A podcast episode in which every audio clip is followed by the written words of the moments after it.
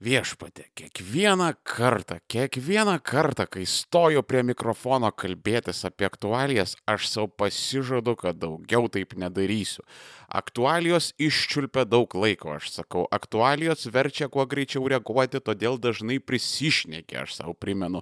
Aktualijos turi ypatingai trumpą galiojimo laiką, jos dega labai ryškiai, bet sudega greitai ir jokios išliekamosios vertės nepalieka. Kiekvieną sykį aš savo tai kartoju. Čia kaip per kokį krikštatėvį. Just when I thought I was out, they pull me back in. Tai naujas mėno ir nauja moralinė panika. Toks jausmas, kad aš gyvenu virš kažkokių asocialių alkoholikų, kur ten per naktis girti ginčiai, ten ponožovšinas.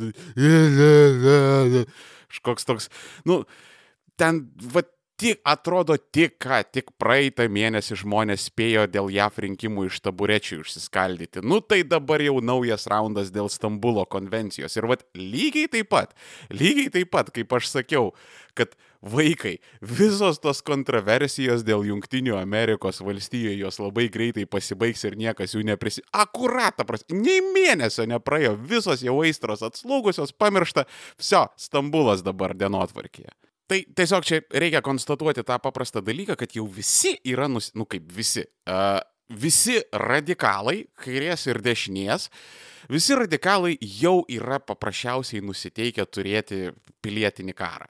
Žinot, kaip kartais va, žmogus nežino, bet tu jau matai, kad kažkur pasąmonėje, va, jis jau apsisprendė kažką daryti ir visų savo elgesių jis telegrafuoja, kad kažką darys, bet dar pats apie tai nieko nežino. Tai čia jau šitas dalykas yra absoliučiai nebeišvengiamas, jau ginklai yra kalami, jau falangos yra statomos, tranšėjos rausiamos ir iš vienos pusės bus linksma, nes, nu, ką, kultūrinis karas, smagu, memai, humoras, apsižodžiavimai visokiausia, galima tenais ugningų kalbų paskaldyti, smagu, dopaminai, endorfinas, faina.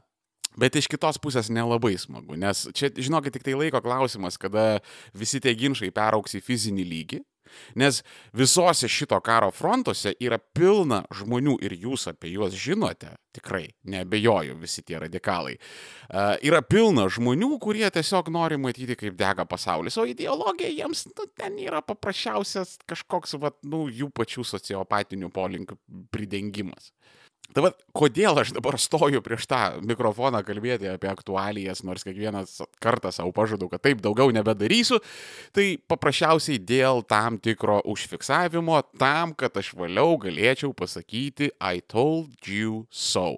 Nes dauguma tų, kurie kariaus tuos karus, dauguma jų paprasčiausiai nepasiliks. Aš esu sakęs, kad centristai, kleptokratiniai centristai konkrečiai, jie visada laimi, nes jiems nieko nereikia daryti. Tu tiesiog palauki, kol radikalai išsiskaldo tarpusavyje ir tada tu ateini į tuščią vietą ir laimi. Juolab dabar yra kovojama išimtinai tik tai per tapatybės politiką, jeigu pastebėsite kažkokios tokios rimtesnės, fundamentalesnės, politekonominės temos, jas nelabai yra liečiamas, viskas yra pririšta prie tapatybės politikos.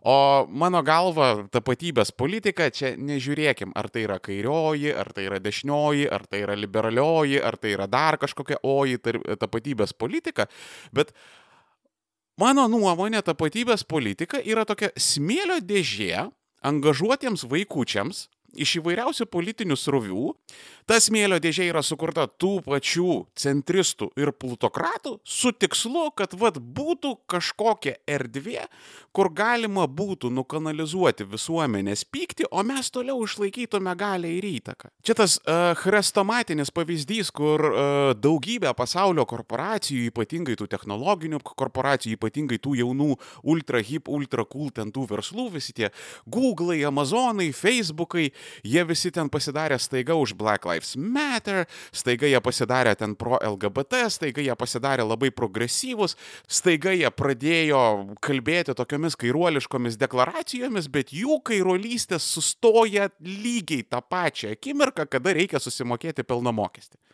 Tada prasideda offshore'ai, tada prasideda ten atviras, niekur neslepiamas libertarizmas, kad valstybė jūs mane nesikiškit ir taip toliau. Ir tada kairolystė atgal sugrįžta, kada ir ten valstybės užsakymai, kada uh, pasisuka kalba ten apie kažkokias lengvatas, taip toliau. Va tada jau vėl kairuoliškos deklaracijos. Nu, bet vienu žodžiu, čia ne apie šitą hipokritizmą mes einam šnekėti. Uh, kalba yra apie artėjantį kultūrinį pilietinį karą Ir aš jau jo pabaigą matau dabar, nes dabar, vat, kas vyksta Amerikoje, tai yra to kultūrinio karo pabaiga. Gali pasirodyti, kad su Kapitolijaus šturmu čia kaip tik viskas įsivažiavo, čia kaip tik viskas perėjo į didesnį lygį, bet aš manau, ir, ir ne tik tai aš, daugybė ten ir, ir sociologų, ir mokslininkų, aš, aš galvoju, kad nu, čia yra tiesiog pabaigos pradžia. Prieš karo pabaigą dažniausiai susirėmimai būna patys kruviniausi, mūšiai patys didžiausi. Ir tiesiog, kodėl aš sakau, kad čia vat viskas eina į pabaigą, tai visų pirma, Tas matosi iš Vox, Salon, BuzzFeed, ten ir tų, tų, tų Mother Jones ir panašiai, ten tų kitų visų tų radikalios kairės žiniasklaidos priemonių peržiūrų tiesiog jos dabar jiems sprūsta kaip vanduo iš tarp pirštų. Uh, tas pats vyksta ir pas Steveną Crowderį, pas Beną Shapiro, pas Dave'ą Rubin, ten pas visą tą altraitą, jie irgi vos, vos sugeba išlaikyti savo aktualumą. Jie dabar reikia, kad uh, Google'as ir Facebook'as juos ten specialiai shadow banina, ten specialiai atiminėja iš jų ten subscriberius ir panašiai, bet man tai panašu į tiesiog labai negudrų pasiteisinimą, nes matot, uh, šituos, ką aš vardinu, tie visi voksai ir krauderiai ir panašiai, tai yra radikalai. Čia kalba yra apie absoliučią Amerikos visuomenės mažumą. Tai yra kairieji ir dešinieji radikalai, o didžioji dalis, ta prasme, jie visiškai neatspindi Amerikos, nes didžioji dalis amerikonų, aš galiu jūs patikinti, kaip žmogus, kuris turi visą krūvą giminių, kurie gyvena tose Amerikose, aš galiu jūs patikinti, kad to viso angažuotumo, kurį spaudžia šitie radikalai, nėra. Ir netgi galiu pasakyti iš kitos pusės. Žmonės Amerikoje, ta plačioji visuomenė, jinai jau pavargo ir jie nori grįžti prie normalumo. Jiems jau nusibodo tos visos kairiųjų radikalų ir dešiniųjų radikalų, tos reiksmingos mažumos siautėjimas, tos visos eskapados, tie Black Lives Matter protestai, po kurių dega miestai, tie kapitolijų šturmai, tie su fakelais ir AR-15 tenais vaikščiojantis ten kažkokie gavna patriotai ir panašiai. Ta prasme, žmonės nori grįžti prie normalumo, tai yra absoliuti dauguma amerikonų. Ir aš drįšiau netgi teikti, kad dabar tie visi radikalai, kuriuos aš įvardinu, jie dabar ypatingai garsiai rėkia, jie ypatingai smarkiai siautėje, jie mėtosi ypatingai baisiais kaltinimais vienas ant kito. Nes mano nuomonė, jie paprasčiausiai subinėjam pradeda jausti, kad nutirpsta jų palaikymas iš plačiosios visuomenės. Jau nebelabai turi ant ko stovėti. Tai aš manau, kad Lietuva grinai pakartos šitą dalyką, tiesiog pas mus yra toksai kokių penkių metų pavėlavimas, ne? Ir tos visos pavardės, kurios bus dabar labai linksniuojamos ten žiniasklaidoje, podkastuose ir kitose dalykuose, žodžiu, tos visos pavardės, kurios labai garsiai skambės medijose, absoliuti dauguma jų tiesiog pranyks, kada baigsis šitas kultūrinis pilietinis karas, lygiai taip pat kaip pavyzdžiui dauguma jūsų ir absoliučiai dauguma amerikonų, jie visiškai neatsimena uh, Tea Party, kuris labai neseniai buvo Occupy Wall Street, šitų judėjimų jie neatsimena, juo labiau neatsimena, kas tenais buvo šitų judėjimų vadukai. Ir tik tai vienas kitas šitų judėjimų funkcionierius sugebėjo išlikti ir išgyventi ir pereiti į naują kultūrinį pilietinį karą. Tai vad dauguma jūsų, kurie kariausit šitą dalyką, sakau, čia vat, šitų epizodų esmė ir prasmė yra apie tai, kad įspėti, kad dauguma jūsų neišgelbėsit savo kailių, dauguma jūsų neišliksit ir būsit pamiršti Ir jeigu žaisi durnus žaidimus, laimėsi durnus prizus. Čia tiesiog, va, I told you savo akimirką. O šiaip tai aš šitos visus kultūrinius pilietinius karus tai tiesiog žiūriu kaip į Lietuvos krikštą all over again. Nes, matot, um, krikščionybė, tais viduramžiais, kada mes krikštijomės, ne, ir šiuo atveju mes e, pasirinkom katalikybės e, tikėjimą, tai a, krikščionybė jinai niekada nebuvo vien tik tai apie tikėjimą, apie religiją, apie ten šventą raštą ir panašiai. A, tai buvo ir tam tikra tarpusavio santykių sistema, kuri reglamentavo daugybę įvairiausių dalykų, kaip kad pavyzdžiui um, visuomenės normos, turto disponavimo taisyklės, santoka, metrikacija, paveldėjimas, titulai, uh, kas tavo draugai, kas tavo priešai, su kuo tu gali draugauti, su kuo tu negali draugauti, su kuo tu gali draugauti čiučiut, su kuo tu gali draugauti labai. Tai tam tikra prasme tuo metu tapimas krikščionimi e, buvo stojimas į savotišką Europos Sąjungą, kur tu priemi vienas bendras žaidimo taisyklės ir pagal jas gyveni. Ir mainais už pasikrikštyjimą tu kaip ir gauni išeimą į krikščioniškasis rinkas, nes, nu, jokie savęs gerbiantis katalikai reikalų su nekrikštais tiesiog neturės, o jeigu turės, tai tik labai nedaug. E, ir, nu, dar tu gauni tam tikrą apsaugų komplektą, ne? nes, nu, tarkim, pagoniai kunigaikščiai juk rašydavo laiškus popiežiui, ne? Ir tuose laiškuose jie, nu, sakydavo, kad štai mus puldinėja teutonai, e, ne va čia neždami tikėjimą, tikėjimą, ne va čia darydami kažkokius kryžiaus žygius, bet iš tiesų jie banaliai plėšikauja. Ir e, popiežius ne visada atsakydavo, arba tų atsakymų paprasčiausiai nėra išlikę, bet kai atsakydavo, tai, nu, maždaug tie dalykai skambėdavo taip, kad uh, Bahūras, tu čia labai fainas ir viską ten, bet esi tamsta šūdinas pagonis. Ir, nu, kaip aš atrodysiu prieš savo kentus, jeigu aš užsistosiu kažkokius nekrikštus. Nu, pradžiai tu gal atsiverski tikrai tikėjimą ir tada mes pašnekėsim. Gerai? Gerai. Su meilė popiežius. O vat svarbiausias dalykas, kas ateidavo su krikštu, tai yra tam tikras legitimumas. Aš nežinau, ar legitimumas yra geras žodis šitoje vietoje, nu, bet pavartokim jį kol kas. Uh, imkim Gediminą mūsų kunigaikštė, ne? mes vat jį vadinam didžiuoju kunigaikščiu. Uh, visomis prasmėmis jisai buvo karalius. Nes, na, nu, savo laiške popiežiuje, ne, jis, jisai rašė, kad uh, popiežiau, čia tau toks gediminas, lietuvių ir daugelio rusų karalius rašo. Ne? Ir, uh, bet mes jo karalium nevadinam, nežiūrinti tai, kad gediminas turėjo įtakos ir galios turbūt ne ką mažiau negu e, dauguma to meto Europos monarchų, tai yra karalių, ne, bet niekas jo tokiu nevadino ir nevadina. Nes uh, Imkim tiesiog šių dienų tokį pavyzdį, va yra toksai Nagorno Karabachas, jisai skelbėsi esantis Respublika, ten vyksta rinkimai, yra renkami prezidentai, parlamentai, savivaldos, valiuta netgi nuosava yra. Ir kaip ir visos suverenios valstybės požymiai, bet tarptautiškai jinai nėra pripažinta ir viskas aiškink tu iki pamėlinavimo ten apie savęs suverenitetą, ten visą kitą, kol tavęs oficialiai nepripažino jungtinėse tautose, tol tu nebūsi pilna teisė valstybė. Ne? Tai taip ir buvo tada. Tu ten pasiskelb karalium, ten imperatorium, pasaulio valdovu, ten whatever, kol tau ant galvos karūnos neuždėjo pats Romos popiežius, tol tu krikščioniškam pasaulyje esi kažkoks neaiškus duhas.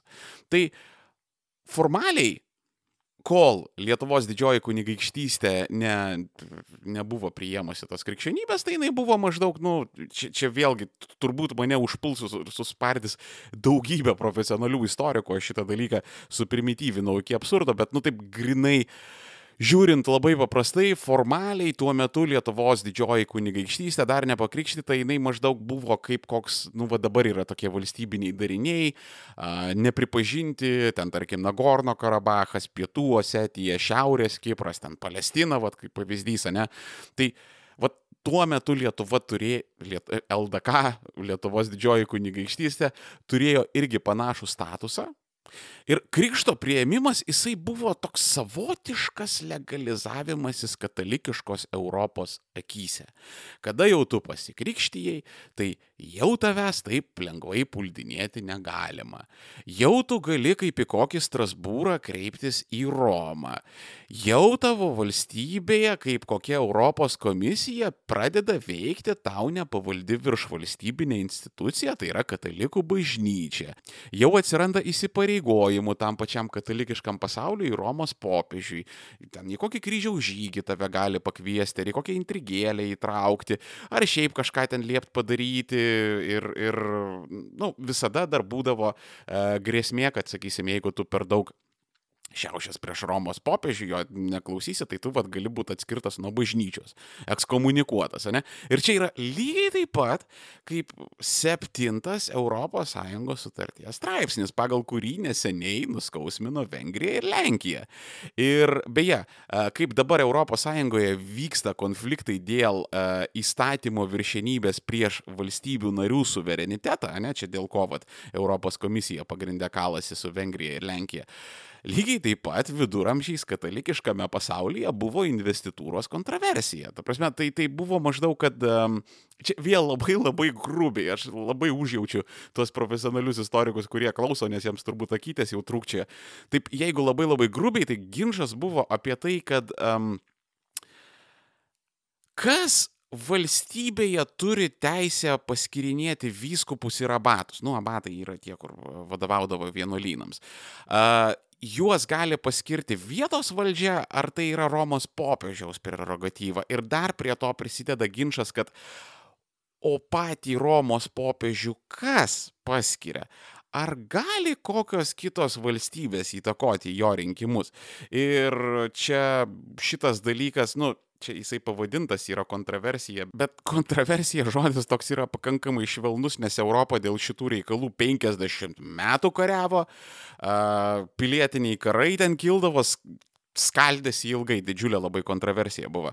Ir beje, einant laikui, iš pradžių ten į ekskomunikavimą buvo žiūrima labai rimtai, o po to kažkaip einant laikui, tai panašiai kaip ir dabar į septinto straipsnio įjungimą maždaug taip žiūri, kad, nu, tipo, okei, okay, ten gal baisu, gal, nes tu, tuo metu ypatingai jau, čia, čia vėl aš labai atsiprašau visų istorikų, bet kiek mano atmintis m, mm, išneša, tai lygtais jau po Renesanso Europos valdovus ten katalikų bažnyčia komunikuodavo į kairę, į dešinę ir ten niekas per daug dėmesio nekreipdavo, ten tiesiog su savais viskupais susitardavo, kad ten apėgos nenustotų ir ten gyvenimas toliau tęstųsi.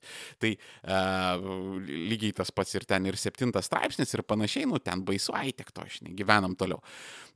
Grįžtant prie to Lietuvos krikšto, iš karto ten tikrai niekas neprigijo, nes, na, nu, krikštyjamasi buvo maždaug ten čia vėlgi labai labai grubiai ir primityviai. Nu, va, yra didikas, ne?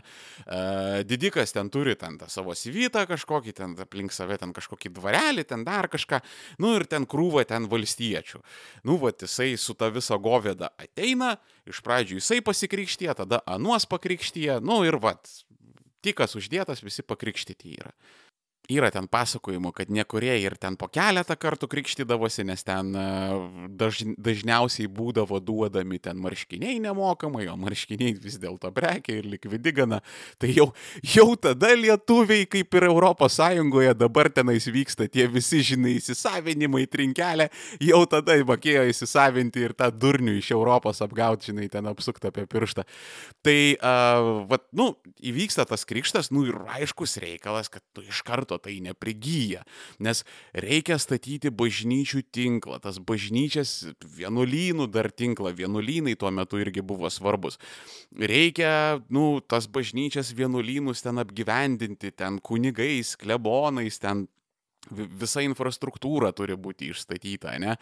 Ir galų gale, nu, žmonėsgi tada berašiai buvo, galų gale komunikacijos ten buvo gana sudėtingos, nes, nu, čia, čia, tuo metu Lietuvos didžioji kunigaikštystė, tai čia ne viduramžių vakarų Europą, kuri gana tankiai gyveno, ne? Ir, ir ta vakarų Europa, tie teutonai, tai pas mus eidavo ne šiaip savo, dėl to, kad, nu, ten jau jie nelabai kur dėtis turėjo, o va čia va rytuose pilna, žinai, tuščių žemė, nueikim ir pasiim. Vėl labai atsiprašau visų profesionalių istorikų už tą primityvumą. Bet, nu, atstumai būdavo tarp gyvenviečių pakankamai dideli, gyventojų tankis buvo nedidelis, raštingumas klaikiai mažas, nu ir ta, ta visa krikščionybė labai lietai plisdavo ir žmonės, mes, nu vėlgi, Labai mažai rašytinių šaltinių yra iš to laiko. Mes per daug gerai nežinom, kaip gyveno tuo metu prastuomenė, bet uh, yra informacijos, kad, ai, meldėsi jie tiem savo stabams, jie ten perkūnams, ten garbino ten tą žaibą, ten dar kažką ir panašiai. Ten juos pakrikštijo, jie ten liktai tikėjimą priėmė, ten visą kitą, bet ten per, per daug niekas rimtai nežiūrėdavo. Ir, ir aš, aš kažkaip, na, nu, įsivaizduoju ten maždaug ten tuos uh, mūsų tuos vietos viduramžių runkelius ten. Nes, nu, vat, atsirasdavo pas tave ten toksai, žinai, pastatas bažnyčia. Ne? Ir uh, toj bažnyčiai, vat, ten fainai apsirengę žmonės, vat, iš knygos ten skaito kažką, žinai, pa, kažkokią, žinai, įdomią, keistą kalbą, nes tengi pamaldos latiniškai visos vykdavo kažkokia įdomia keista kalba, ten, žinai, gražu toj bažnyčioj ir, ir, ir, ir ten, nu, tai jūs tik neįsivaizduokit, kad tas pirmasis bažnyčios ten tos buvo akmeninės, kaip katedros, ten su Fred, ten gerokai paprasčiau buvo, bet, nu, vis, vis tiek, ta prasme, nu, va, kažkoks pastatas, va, ten, žinai, e, dailiai kažkaip padarytas, kiek tai buvo įmanoma tuo metu, ten kažką, žinai, įdomiai skaito, įdomiai pasakoja, ten, supranti, ten duonos ir vyno, gal ten kokio, žinai, padalina, supranti, ir va, ten visi didikai susirinkę, ten, žinai, klupoja, kažką ten daro, dainuoja smagiai. Nu ir ten va žmonės eidavo tarsi, čia vėl mes nelabai gerai žinom, nes nėra išlikę rašytinių šaltinių, čia taip grinai remiantis panašiai kaip vyko krikščionybės plėtra vakarų Europoje. Nu tai va žmonės pradžioj ten, žinai, iš smalsumo eidavo, jiems ten pavyzdžiui kokie nors kunigai ir vienuoliai ten paprasta kalba bandydavo išaiškinti tą krikščionybę, ten tą visą esmę, papasakoti kažkokias istorijas, nes taip pamaldos vykdavo lotyniškai, bet nu bažnyčios tarnai vis tiek stengdavosi tą informaciją kažkaip net ir prastuomeniai pateikti. Ir nu, iš pat pradžių tie žmonės įpratę gyventi tam pagoniškam pasaulyje, girdėdavo tas istorijas, nu, nu gerai, nu, istorijos, tvarkoj, smagu ten, aš, aš, aš taip ir įsivaizduoju, ten kokie du, du, du vietos runkeliai ten. Ai, nežinau, ten tas, jų ten tas karočiatas Jėzus praskyrė ten jūrą, ten kažkaip, ten kažkaip. Ta, tai gal ne Jėzus ten, ten Moze, Abromas ar kaip, nežinau, ten žydai, ka, kažkuris ten iš tų žydų, žinai, atėjo, praskyrė tą jūrą ir ten, žinai, praėjo, prasivedė ir po to ten, ten 40 metų debilas pasimetė, supranti, nu, nu kaip pasimest, aš va išeinu į gyrę, aš negaliu pasimest toj gyrioj, aš kiekvieną ten medį pažįstu, o čia pasimetė, matai, tai nežinau, man tas mūsų perkūnas, tai toks rimčiau atrodo negu tas jų. Jėzus ten, žinai, nors ten žuvies ir vyno padaugint, ten ant kokio baliaus, tai būt gerai tą Jėzų pasikviest. Ir, nu, aiškus reikalas, kad tai pirmajai kartai, nu, nelabai tas prilipo, nes jie auga visai kitame pasaulyje, bet tada, žinai, užauga nauja karta. Jie papuola į tą, vat, tikėjimą, naują tikėjimą, jie išgirsta ten dalykų. Vienas, kit, nu, vienas kitas čia labai labai liberalų žodžiai, ta prasme, čia visiški, visiški vienetai. Ta prasme, gal kažkas gauna išsimokslinimą, gal kažkas pramoksta lotyniškai, pats ten dalykų pasiskaito. Na nu, ir žodžiu, bėgant laikui gaunasi taip, kad sukrikščionėję vaikai ateina pas uh, savo tėvus, pagonis, ir pradeda aiškinti, ta prasme, pradeda aiškinti dalykus, kad uh, tėvai motin Jūs garbinate netikrus dievus, jūs esat stabmeldžiai, jūs esat nusidėliai, jūs gyvenate neteisingai, jūs privalote atmesti visus savo dievus, visus savo stabus, apversti ten tos aukurus, kur jūs ten kažką aukojat, nustot apskritai aukot, jums reikia eiti bažnyčią, jums reikia ten spavedotis, jums reikia melstis, jums reikia iš principo pradėti gyvenimą visai kitaip, nes, nu, kitaip jūs esat nusidėlę ir jūs dėksit pragare. Ką čia aiškini? Aš garbinau žalti, mano senelis garbinau žalti, mano prosenelis garbinau žalti ir visada mums užtekdavo. Čia dabar tu ateini su savo kažkokią, supranti, Jėzum Kristum ten tikėjimu, ten aiškini, ten tik pasi, per kūną, supranti, bahūras buvo. Ka, kas, kas jį ten kažkas galėdavo ten pagauti, supranti, tą tavo Jėzų Kristų pagavo ir ant kryžiaus prikalė, kai gaidį kažkokį. Ką tu čia kaip į tokį gaidį galima tikėti, girdi? Nu, panašius dalykus mes matom ir dabar. Viena karta staiga nutarė, kad vat, yra ta Europos Sąjunga, yra tas europietiškas vakarų pasaulis, ten, Hebra, pinigai ir rinkos ten tokie, kad jums nesisvajojo. Ta prasme, ką ten ta Rusija, ką ten ta Maskva, nusišikt ant jų, vad Europą. Amerika, va čia, va, kur yra tikros babkės, va reikia ten eiti ir integruotis, Hebra. Ir, nu, po, po, po, po truputėlį įvyksta ten dalykai, ne, po truputėlį atsiranda nauji teisės aktai, po truputėlį ten Lietuva pradeda flirtuoti su ES, prasideda integraciniai procesai ir ten, nu, žinai, ten tie seni krepai, nu tai ką, nu, jie supranta, kad ten reikia kažką pašnekėti apie lyčių lygybę, ten reikia kažką pašnekėti apie toleranciją, bet, nu, tipo viskas namazyta, prasme, mes tai suprantam, kad čia viskas yra briedas, ne, ir mes tai suprantam, kad čia tiesiog reikia pašnekėti šituos dalykus, kad, kad ten, žinai, iš pradžių sapardo gauti, po to iš struktūrinių fondų gauti, o vat jų vaikučiai, vat jų vaikučiai tai šitų dalykų nežino. Ta prasme, jų vaikučiai taigi praeina mokslą, naują mokslą, naujoje Lietuvoje, jie nekurie išvažiuoja į tą pačią vakarų Europą, ten baigia jos universitetus ar ten kokius iš Šiaurės Amerikos. Ir tada grįžta atgal namo Ir tada pradeda jiems aiškinti, kad e, tėvai, žiek, taip negalima. Visos lytys yra lygios, gėjai yra, yra žmonės. Narkotikus galima būtų legalizuoti. Iš esmės viską, ką tu mastai, ką tu galvoji, ką tu šneki, tai yra labai neteisinga. Dabar tu gyveni pagal netas vertybės. Ir čia aš noriu priminti, kad labai ilgą laiką Lietuva buvo klaikiai puritoniškas kraštas. Kažkada buvo baisi, čia nežinau, ta prasme, uh, vartot narkotikus, turėti tatuiruotę ir auskarą, nu tai čia buvo visiškas socialinis užrybis. Ta prasme, kas tu toks? D dabar, nu, čia, dieve, ka, kas neturi tatuiruočių, kas neturi auskarų, kas nevartoja narkotikų, viskas yra absoliučiai išsivaikščioję po, po, po, po plačiai viso, bet tuo metu tai buvo kontroversiška. Tuo metu ten būdavo ten, ką tu volasas, ko tu čia vaikštai, kai, kai, pederastas tu čia esi, kai, kai Tėvai, aš neformalas, nervanos matai klauso, sakiau, nereikia vesti interneto, ten sorožas, ten supranti homoseksualizmas, viso, ten, žinai ką, žinai ką, vat, pažįsti tą Antaną, kur iš garažo prie, priešais ten, nu, tai žinok, jo dukra iš Vokietijos negrą parsivežė, dabar žmonėms į akis pasižiūrėti negali. Kaip jį ten iš viso surado, kur ten Vokietijoje, ten, ten bananų neauga, ten palmų nėra, kaip ten negrų yra, bet surado šit. Tiesiog, aš labai gerai atsimenu tas baises kontroversijas, kur tiesiog kildavo apie jaunimo progresyvėjimą. Ir vat mano nuomonė, Stambulo konvencija yra grinai apie tai, kad tai yra sekanti spiralė. Nes kai tik visuomenėje kyla kažkokie progresyvizmo judėjimai, jiems momentaliai susiformuoja revanšas.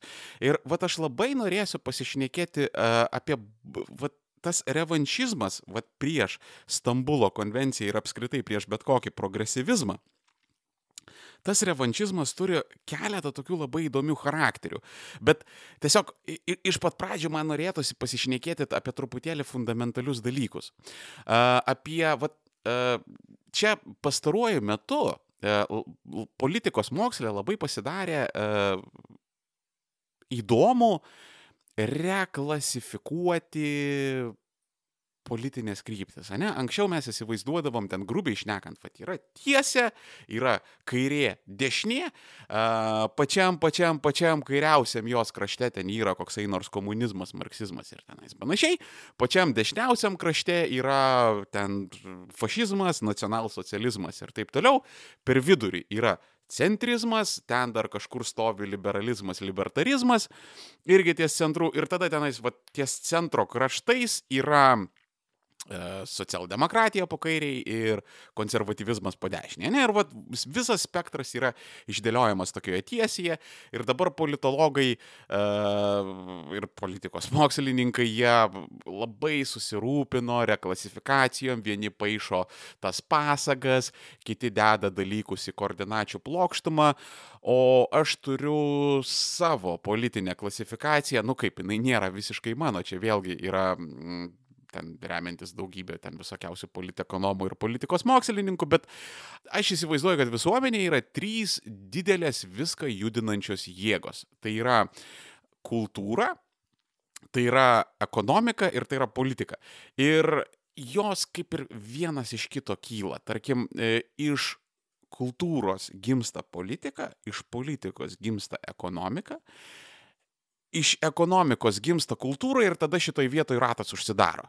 Tai dabar turint šitą pagrindą mintise, aš ideologijas ir politinius judėjimus stengiuosi vertinti per šitą prizmę, kur jie labiausiai akcentuoja savo dėmesį. Nes, nu, va, tarkim, imkim kokie nors uh, libertarai ir marksistai, jie yra vienas į kitą labai panašus, ten faktiškai jie yra identiški, kad um, jie visų pirma neigia valstybės egzistavimą, Vat jums gali pasirodyti labai keista, nes marksizmas tarsi yra kairioji ideologija ir panašiai, bet jeigu Marksą paskaitysit, tai jūs pamatysit, kad uh, finale uh, valstybė, ypatingai nacionalinė valstybė, tokia kaip po struktūra turėtų išnykti ir ją turėtų pakeisti savanoriškos, organizuotos žmonių klasinės grupės, kurios ten, žodžiu, darys savo dalykus, ten, whatever.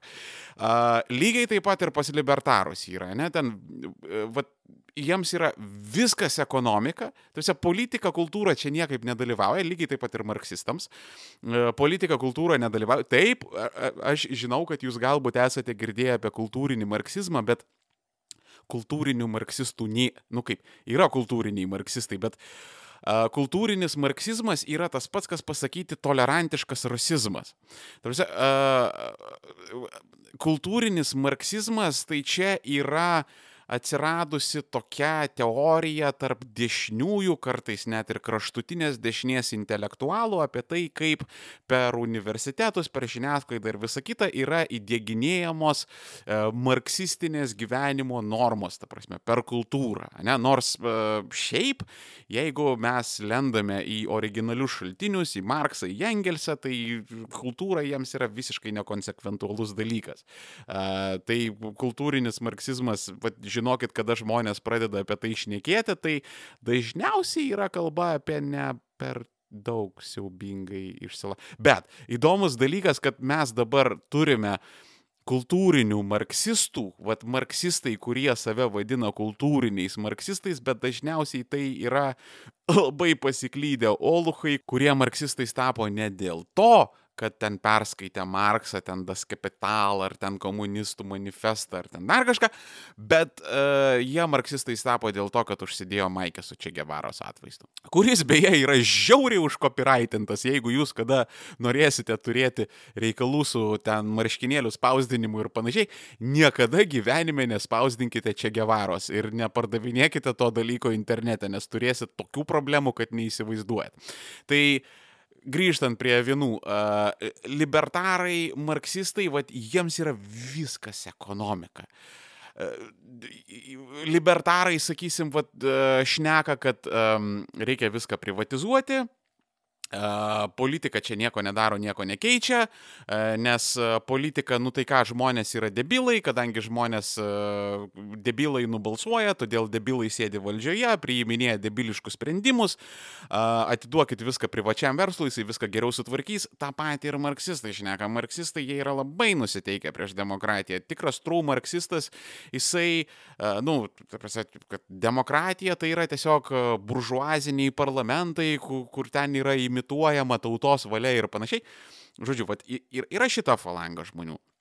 Sakysim, um, tokie tradiciniai, vakarietiški, konservatoriai, socdemai, jiems viskas yra politika.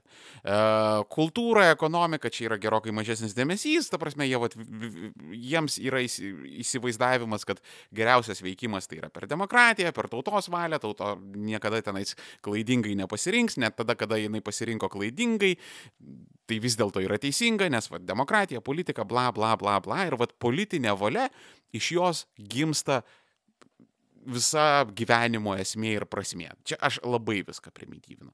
Ir Toliau mes turim radikalus, mes turim kairiuosius radikalus ir dešiniuosius radikalus.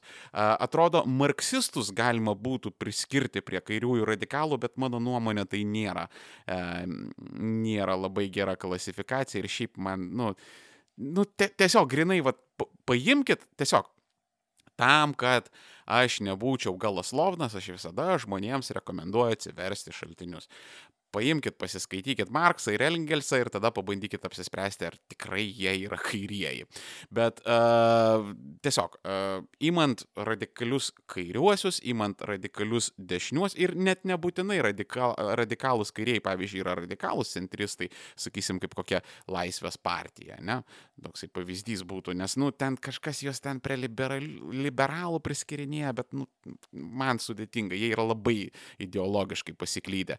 Uh, čia čia gali būti tautininkai šitose falangose, čia gali būti gilesnė dešinė, gilesnė kairė, kokie nors leninistai, socialistai, e, nu, gal ir nelabai socialistai, jeigu taip atvirai pasakius, bet, nu, anyway, šneka yra apie radikalus ir radikalai, e, jeigu pastebėsite, jiems kultūra yra svarbiausia. Ta prasme, uh, vat, paklausykit kokio Juozaičio. Ne? Vat, Juozaitis, kada jisai išneka, tai jam ekonomika nusišikt, uh, politika yra nusišikt, vat, kada uh, Lietuvoje nustos dainuoti angliškai per dainų dainelę, va tada ir ekonomika pradės judėti. Ta prasme, viskas jiems kyla iš kultūros.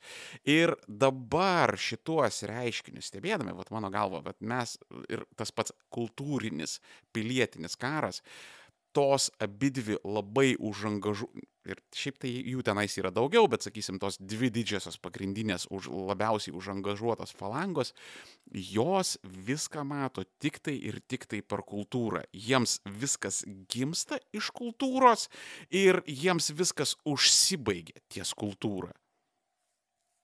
Todėl, mano galva, tos didžiosios kontroversijos jos turi vat, būtent tą kultūrinį pobūdį, nes pasižiūrėkit, e, Junktinių Amerikos valstijų rinkimai, ne?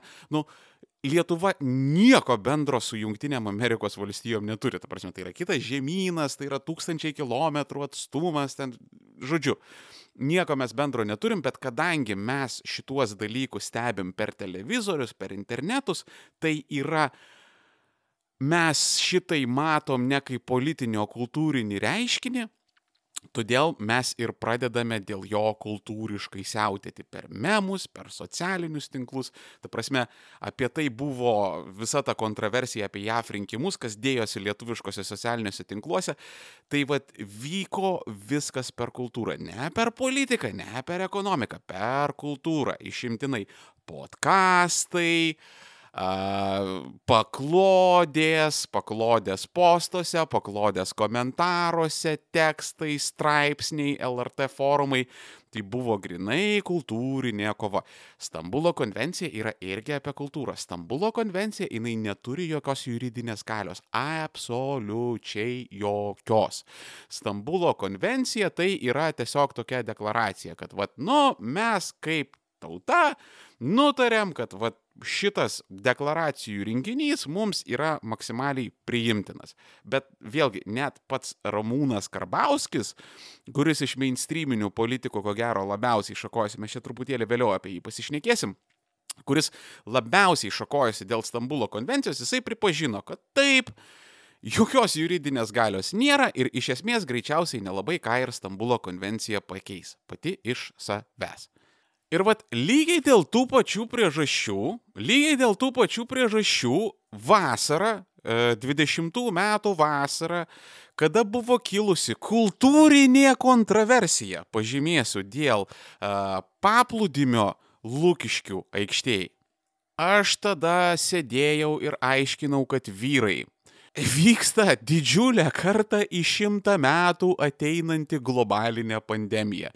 Mes nežinom, ten dar tuo metu nebuvo aišku, kaip atrodys antroji banga, ar jinai iš viso ateis, kas tenais dėsis, kas bus su ekonomika po visų ten tų pandemijų, nes anksčiau ar vėliau vis tiek jos užsibaigs, ne? Kas pasiliks iš ekonomikos?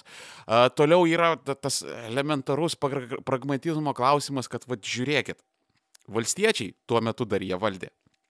Valstiečiai ruošiasi į trinkelę įsūdyti 14 milijardų eurų visi vat vyrai, man atrodo, vat šitie dalykai, pandemija, kas bus su ekonomika ir tie 14 milijardų eurų, kuriuos galima būtų paskirti švietimui, krašto apsaugai, medicinai, banaliai sukišti į betoną. Nu, man, man atrodo, va šitie dalykai yra gerokai svarbesni negu kažkokia kultūrinė kontroversija ties ten Lūkiškių aikštė, kur aš jūs galite atsisukti tą epizodą, aš ten daug aiškinau ir papasakau ir elaboravau šitą temą, kad man atrodo, čia buvo tiesiog tušia kontroversija ir bulšitas. Bet Jeigu pastebėsite, labiausiai užangažuoti vėlgi tiek viena, tiek kita pusė visiškai nenorėjo klausytis, jie su malonumu ten ėjo laužyti tas jėtis ir ten jiems buvo viskas labai smagu, nes, nu, dar kartą pasikartosiu, muštis ir kaltis, ypatingai gulinčius pardyti yra visada labai faina. Tai uh, niekas tuo metu manęs neklausė, nes vėlgi, kada tu esi uh, kultūriškai užangažuotas radikalas, uh, politika ir ekonomika tau jokios reikšmės nedaro. Ta prasme, tau pasakymas, kad žiūrėk, yra, yra politekonominis reiškinys, čia galima net apjungti šituos dalykus, ne?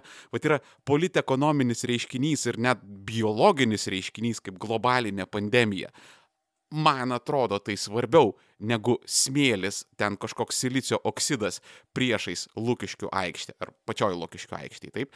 Tai uh, tie žmonės nuoširdžiai pradėdavo tau rėkti ir aiškinti, kad ne, armėnai, tu nieko tu nesupranti, nes kada tu esi kultūriškai užangažuotas, tau tas smėlis yra tiek pat reikšmingas, o gal net reikšmingesnis ir svarbesnis, negu čia kažkokia ta globalinė pandemija. Ir va dabar aš manau dar vertėtų atkreipti dėmesį į tai, iš, iš kokių kampų vyksta ta progresyvizmo kontrrevoliucija, ne? nes, nu, um, Lukiškių smėlis, Joe Bideno išrinkimas, uh, Ingrido Šimonytės vyriausybė, Laisvės partija Seime, narkotikų dekriminalizavimas, galbūt legalizavimas, LGBT teisė, Stambulo konvencija, visi šitie dalykai tai yra progresyvizmas. Nu, nebūtinai pati šimonytės vyriausybė kaip iš savęs, bet ten labiau a, pati moterų vyriausybės metafora, ne, visi šitie dalykai kartu tai yra progresyvizmas. Ir dabar mes turime tą progresyvizmo revanšą, tą progresyvizmo kontrrevoliuciją, kaip kad kokią, nu, katalikišką kontrreformaciją, pavyzdžiui, čia irgi yra E, labai daug istorinių paralelių su ta pačia Lietuva, nes čia irgi buvo kilusi reformacija ir, ir, ir, ir, ir nu, nepavažiavo, suriukas.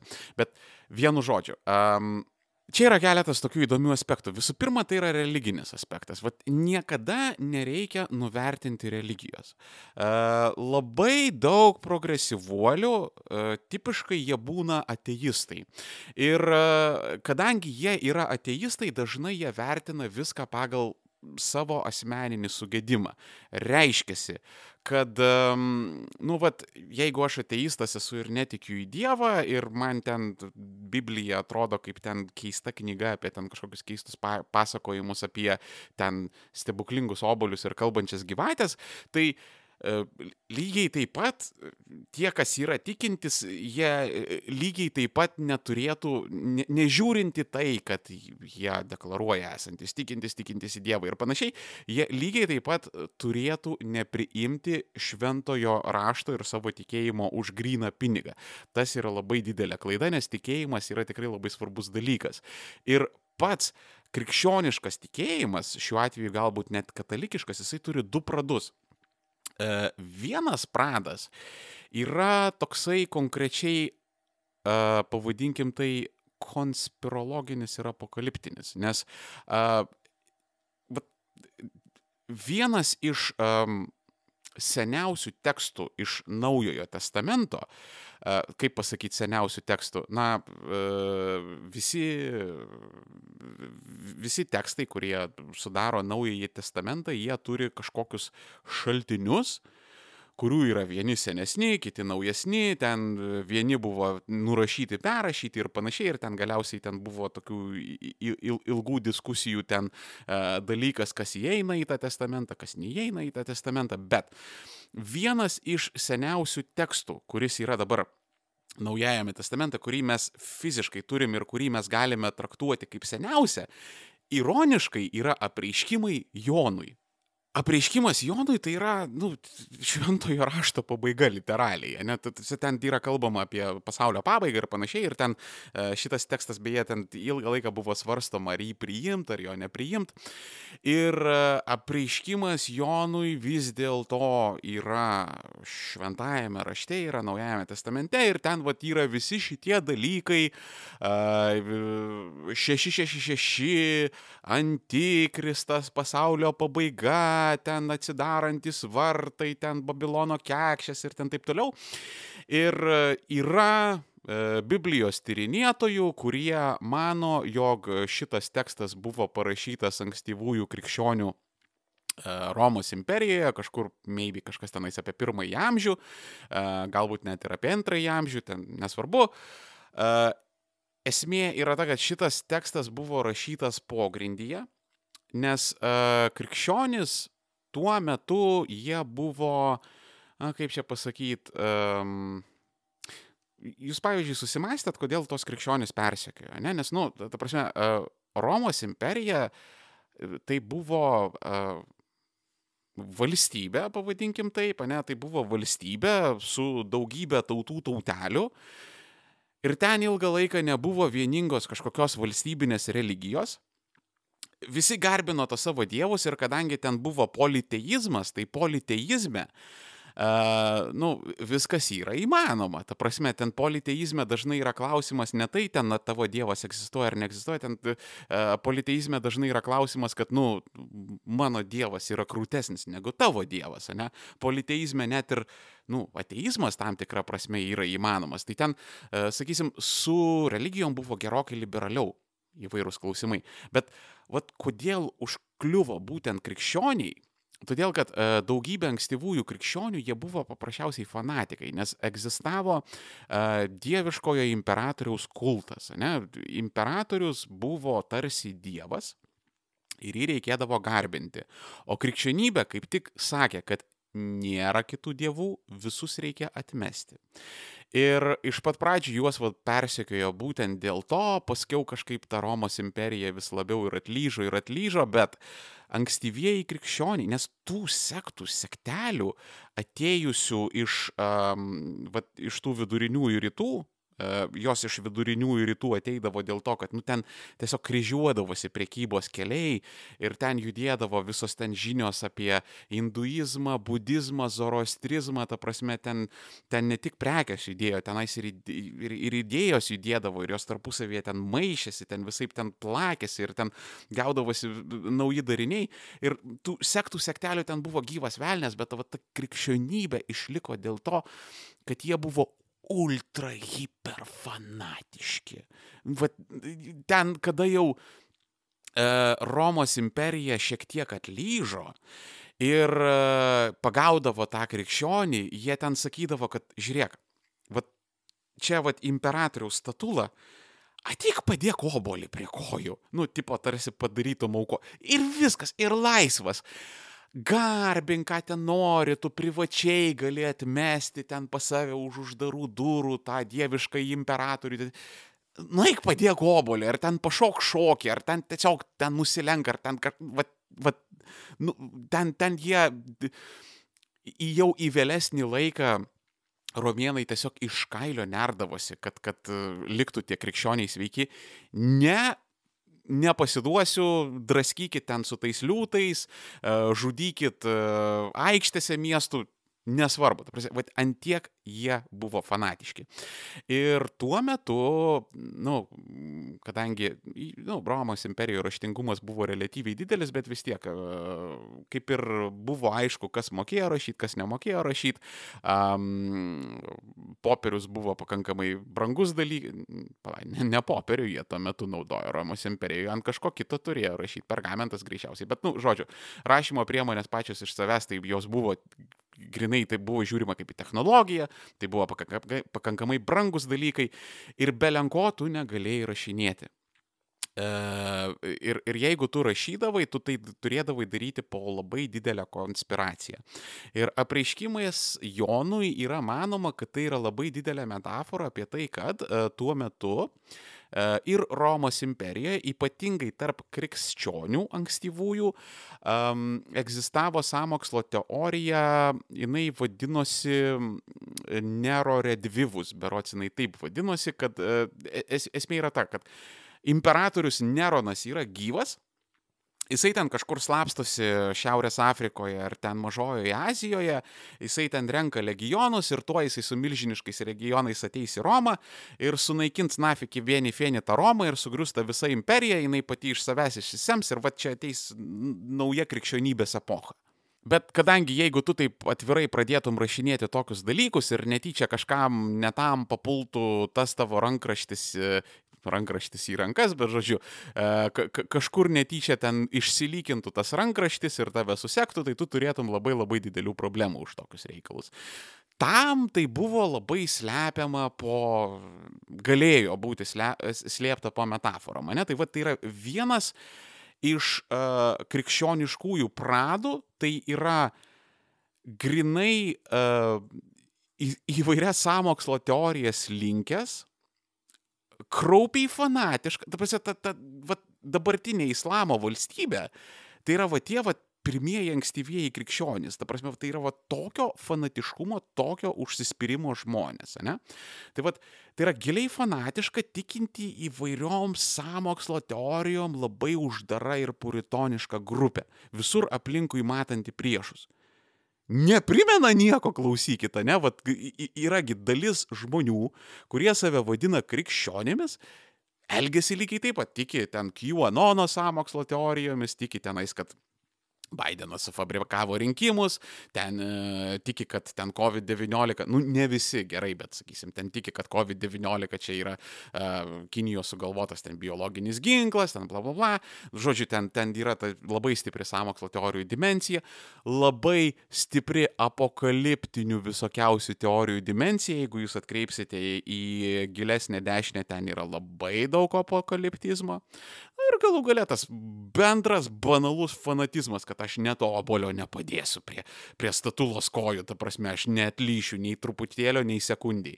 Čia yra vienas pradas. Kitas pradas, jisai yra kur kas yra mm, toksai, kaip pasakyti, kontrkultūriškesnis, nes Jėzus Kristus, jeigu vat, atsiverti Bibliją, ne, ją skaitai, tai visų pirma, Jėzus Kristus buvo aš nenoriu išeisti visų tikinčiųjų, tiesiog, nu, grinai to meto normose Jėzus Kristus buvo padugnie, kuris valkijosi su į save panašiais ten visokiausius padugnėm, ne ten su prostitutėm, ten visokiam, ten visą kitą.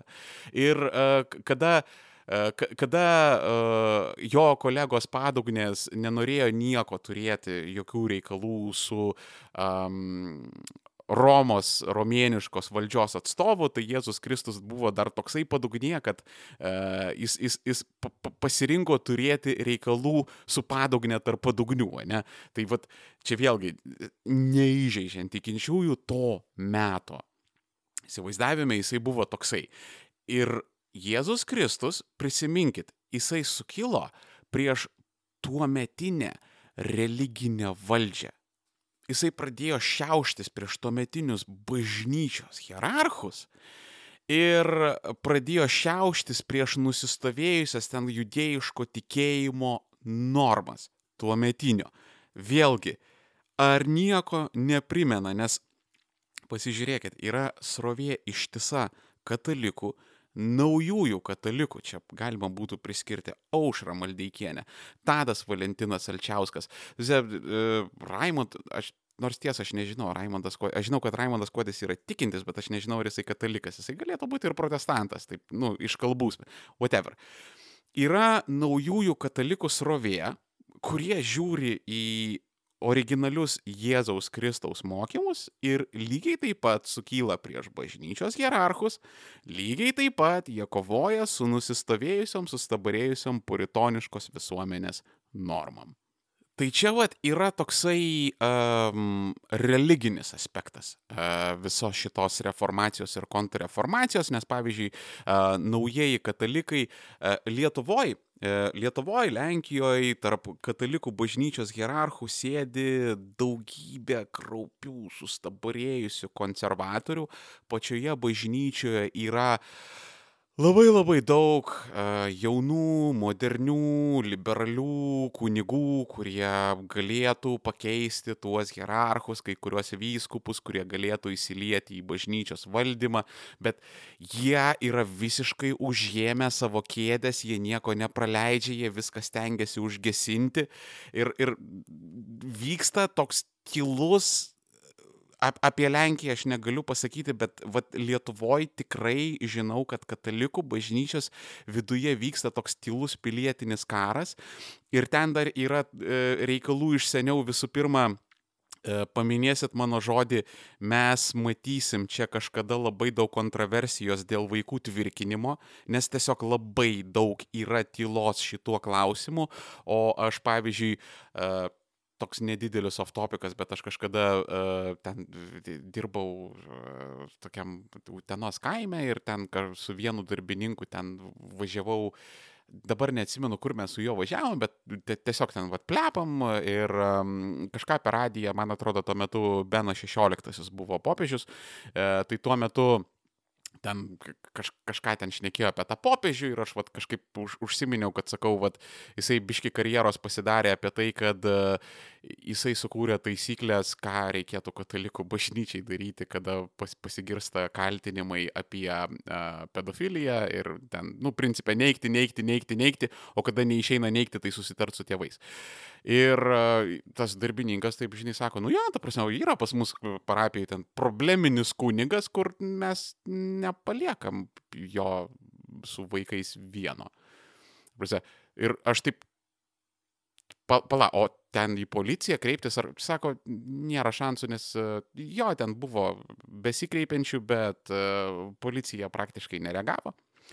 Um, vietos tos davatkėlės rėkiančios babulkos iš karto to žmonės užpuolė, ten krūtinėm pradėjo ginti ten klebonėlį gerai, ar klebonėlį, ar kunigą, aš dabar neatsimenu, ko, ko, ko, kokios ten pas jį buvo pareigos. E, atvykęs jisai ten buvo iš Vilniaus, man atrodo, ir ten berots, kad, nu, ten maždaug Vilniui prisidirbo, tada dar kažkur prisidirbo, tada dar kažkur, kol ten visiškai kalabybiškai tenais atsidūrė. Ir, na, nu, iš esmės sako, nu, tiesiog mažiau problemų yra pasakyti vaikams, kad jeigu ten klebonas ar kunigas kviečia ten į, bažnyčią, kaip radio šau ten uh, vonė už altoriaus turiu einam žurnalų, žinai, paskaityti, tai, nu, tiesiog neit, nu, ir taip yra paprasčiau. Tai va, čia yra labai daug tylos ir mano nuomonė, čia bus dar, dar turės sprokti, ta prasme, ten, ten tas šniūras, jisai smilksta ir ta bomba ten tikrai driokstelės, čia patikėkit manim. laiko klausimas. Tai vad vyksta tokia savotiška vi- vidinė reformacija, čia gal nėra labai geras žodis reformacija, bet e, vyksta tam tikra reformacija pačioje katalikų bažnyčioje ir priedo dar prisideda toksai um, ekonominis aspektas, nes pastebėkit uh, iš politikų, kas garsiausiai uh, pasisako prieš Stambulo konvenciją. Ramūnas Karbauskis ir jam antrina Viktoras Uspaskikas. Abu du jie yra klaikiai turtingi oligarchai. Jų visas verslas yra nu, ypatingai žemos uh, pridėtinės vertės, ten labai žemo darbo našumo, tas visas jų verslas yra pakabintas ant europinių išmaldėlių, uh, prieimo prie eksporto rinkų ir p- pagrinde ant žemų atlyginimų Lietuvoje. Ne, ta prasme, tai ultra hiperprimityvus verslas. Ir um, Nu, kaip čia pasakyti, yra tokių visokiausių plėtkų, žinių ir panašiai, kad šita Ingrido Šimonytės vyriausybė yra labai smarkiai nusiteikusi a, aplaužyti ragus oligarchijai. Čia neaišku, ar tai bus įgyvendinta, ar to bus imtasi, nes čia tikrai reikia labai daug politinės valios, bet yra kažkokių kalbų kalbelių, kad reikėtų ir agrokoncernams lengvatų nuimti, yra kalbų kalbelių ir ten apie progresinius mokesčius ir panašius dalykus. Ir aš manau, e, mano nuomonė, jeigu Lietuva nori išgyventi ir jeigu Lietuva nori išaukti į kokybiškai geresnį pragyvenimo lygį, e, tos liberalios, progresyvios politekonominės pertvarkos yra būtinos. Ir aš manyčiau, kad anksčiau ar vėliau jos įvyks, nes jeigu jos neįvyks, tai mes paprasčiausiai išnyksim ir busim sugerti ten kokios nors Rusijos.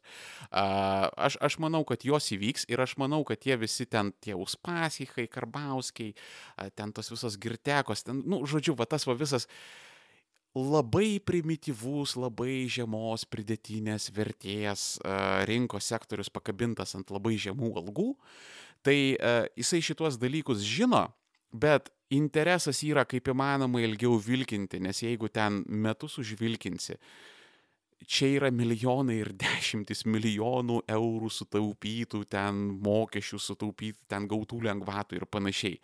Tai jiems yra labai didelis interesas vilkinti ir, nes, na, nu, ta, ta prasme, Viktoras Uspaskikas ir Ramūnas Karbauskis už tradicinės vertybės. Java su maliaju, ta prasme, kaip, kaip, kaip Viktoro Uspaskiko tėviniai pasakytų. Ta prasme, Ramūnas Karbauskis, kurio bledė pažįsta pusę tautos. Už tradicinės vertybės, jo, ta, jo žmonos niekas nėra matę, kuri ten gyvena, tai Ispanija, kur jinai dabar gyvena, nėra aišku. Prasme, šitas su tom kildišienėm, su visku, va šitas yra už tradicinės vertybės, ne? Lygiai taip pat Viktoras Uspaskikas, ta prasme, du kart kiek jis ten išsiskyręs yra, jau dabar sako, ten iš trečių kažkokių dabar santykių jisai tenais augina vaiką, kurio ten nėra nei pridavęs, nei nieko. Uh, Valatkos kaltinimai, prisiminkit, čia 12 ir 13 metais Rimvidas Valatka buvo jį apkaltinęs, kad uh, galimai menamai turbūt tikriausiai Viktoras Uspaskikas labai mėgsta koks aš neaukšti. Į ką Viktoras Uspasikas niekaip neatsakė, nors pavyzdžiui, jeigu mane apkaltintų, kad aš esu kaukhedas, tai aš tiesiog ateičiau, a, prisisiočiau į bonkelę ir tada paduočiau Rimvidą Valatką į teismą, nes ta prasme yra, nu, absoliutus faktas, kad aš toks nesu. Ir prašom užmeištą susimokėti, mielas draugė Valatka. Tai vad šitie du jokiais būdais nėra už tradicinės vertybės, nes čia yra ne pirmas kartas, kada plutokratai vaidina, supranti, ten kažkokios dorovės gynėjus ir panašiai, o realiai tiesiog nukreipinėja dėmesį, kad e, toliau galėtų vykdyti savo purvinus ir nešvarius darbelius. Lygiai taip pat yra ir ekonominis motyvas iš kitos, iš progresyviosios pusės, nes matot, nu, šeimos tai yra biznis, šeimos tai yra pinigai. E, Jeigu homoseksualistai ir lesbietės galėtų ženytis ir vaikintis ir kurtis normales šeimas, ne, nu, kaip mes jas įsivaizduojame, tai Nu, šeimos yra vaikų kėdutės, šeimos yra ten visokios atostogos, šeimos yra didesni būstai, šeimo, nu, žodžiu, šeimos yra daug pinigų ir yra dalis verslo, kuris yra labiau negu motivuotas išeiminti, ne, kaip įmanoma daugiau žmonių, nes milžiniškas vidaus vartojimas. Tarkim, paimkim jaunimą, ne, ne, ne, ne, nesusituokę, santykiuose negyvenantis, jaunimas ten iki kokių 25 metų, tai jie ten iš viso praktiškai neleidžia pinigų, nes visų pirma, jie pinigų neturi, visų antra, jeigu jie tos pinigus turi, jie išleidžia ten prašvilpia dažniausiai, ne? Dažniausiai yra prašvilpiama, e, bet įprastai jaunimas pinigų neturi ir iš ten vartojimo nėra. Tas pats ir su senimu. Jie ten yra labai taupus, pas jos poreikių nėra, vėlgi vartojimo nėra. O vat pačios sultis yra vat kažkur va taip 30-45 metai, jaunos šeimos, va ten, o ten tai yra pinigas. Ten ir uh, Mikė pukotuką ten kokį parduosi, ir ten visokius filmukus, ir ten serialai, ten Netflixai, ten Spotify, ten, ten, vat, vat visa tai sugeria šeimos, ne? Ir vat yra tam tikras ekonominis motyvas leisti platesniems grupėms žmonių kurti šeimas. Nu ir galiausiai reikėtų pasikalbėti apie politinius Stambulo konvencijos prieimimo arba atmetimo motyvus, nes grįžkim prie Lietuvos krikšto. Lietuva turėjo pasirinkimą. Lietuva galėjo krikštytis arba priimti va, tą katalikišką tikėjimą, arba Lietuva galėjo tapti stačiatikių valstybė. Ir ilgą laiką Lietuvos valdovai ten jau principė nuo Mindaugo laikų buvo pasidarę labai aišku, kad reikia krikštytis. Jau nuo tada ten buvo aišku, kad um, Krikštas reiškiasi apsaugą ir, ir, ir apsaugą arba iš katalikiško, arba iš stačiaitikiško pasaulio ir be krikšto uh, toli nepavažiuosi, anksčiau ar vėliau mus arba teotonai, arba moskovitai, arba kokie nors totoriai, arba nu, kažkas mus tiesiog paims po truputėlį, sudraskys į gabalus ir suvalgys. Reikia legalizuotis. Ir labai ilgą laiką Lietuvos didžioji kunigaikštystė flirtavo tiek su Roma, tiek su Konstantinopoliu, kol nu, galiausiai buvo nuspręsta, kad mes su katalikais, vakarai, mes tenais einam ir viskas. Ir vat analogiškai šitai situacijai mes dabar irgi renkamės. Mes renkamės tarp dviejų polių. Arba mes einame toliau, mes jau esame integravęsi, bet jau laikas pribrendo integruotis giliau, arba mes integruojamės giliau į vakarų pasaulį, arba mes grįžtam atgal į sovietinį pasaulį. Nes uh, lygiai taip pat, kaip kažkada buvo tie trys didieji poliai, o kontinentinėje Europoje jų buvo du, ne, tie trys didieji poliai, tai buvo ten maždaug katalikų pasaulis, ortodoksų pasaulis, islamo pasaulis, po to jie ten maždaug skaldėsi ten krikščionių islamo, ten, nu, žodžiu, ten visokia. Bet, bet e, kontinentinėje Europoje labai ilgą laiką buvo vat, katalikų pasaulis, ortodoksų pasaulis. Analogiškai kažkurį laiką buvo vakarų pasaulis, sovietinis pasaulis. Mes į sovietinį pasaulį papuolėme ne savo noru. Mūsų niekas neklausė, pradedant nuo padalyjimų mes kaip papuolėme į Rusijos orbitą, ten trumpai turėjom kažkokių atotrukių, bet principė Rusija vis, tas jos gravitacijos laukas, mus vis glemždavosi ir glemždavosi ir glemždavosi gilyn. Tai dabar, jeigu atkreipsite dėmesį, ką daro Vata, ką daro Vata apie Stambulo konvenciją, kokią jinai pusę yra užėmusi griežtai prieš Stambulo konvenciją. Kremlius yra griežtai prieš bet kokį progresyvizmą, Kremlius yra griežtai prieš bet kokias LGBT teisės. Beje, atkreipsiu jūsų dėmesį, šitie dalykai yra visi internetuose, YouTube'ose, jūs galite viską susirasti ir susigūglinti. Kada čia buvo referendumas Rusijoje dėl naujosios konstitucijos, to vadinamojo abnulėnyje, ne? Aš labai patariu jums pasirausti internetuose ir jūs pamatysite, kad dalis reklamų, kurios kvietė eiti balsuoti už naująją konstituciją, jos kalbėjo apie tai, kad jeigu jūs nenorite gėjų santokų. Ir, ir ten buvo, pavyzdžiui, rodomi tokie vaizdai, kad vat, štai yra ten, nu, metaforiškai Nataša ir ten stovi tokia Nataša, visa baisi tokia gnyda, ir, ir šukuojasi ten kažkokius mėlynus ar raudonus pažasties plaukus ir vad sako, Nataša yra feministė. Jeigu tu nenori būti tokia kaip Nataša, tai eik balsuok už konstituciją. Buvo daug reklamų apie tai, kad uh, naujoji konstitucija neleis juridinėme lygyje jokiais būdais niekada niekaip įteisinti vienalyčių santokų Rusijoje. Ta prasme, labai daug buvo važiuojama ant šito. Ir kadangi aš labai gerai valdau rusų kalbą, nes, nu, Vilnius, kamon, Hebra, kas ten nevaldo tos rusų kalbos.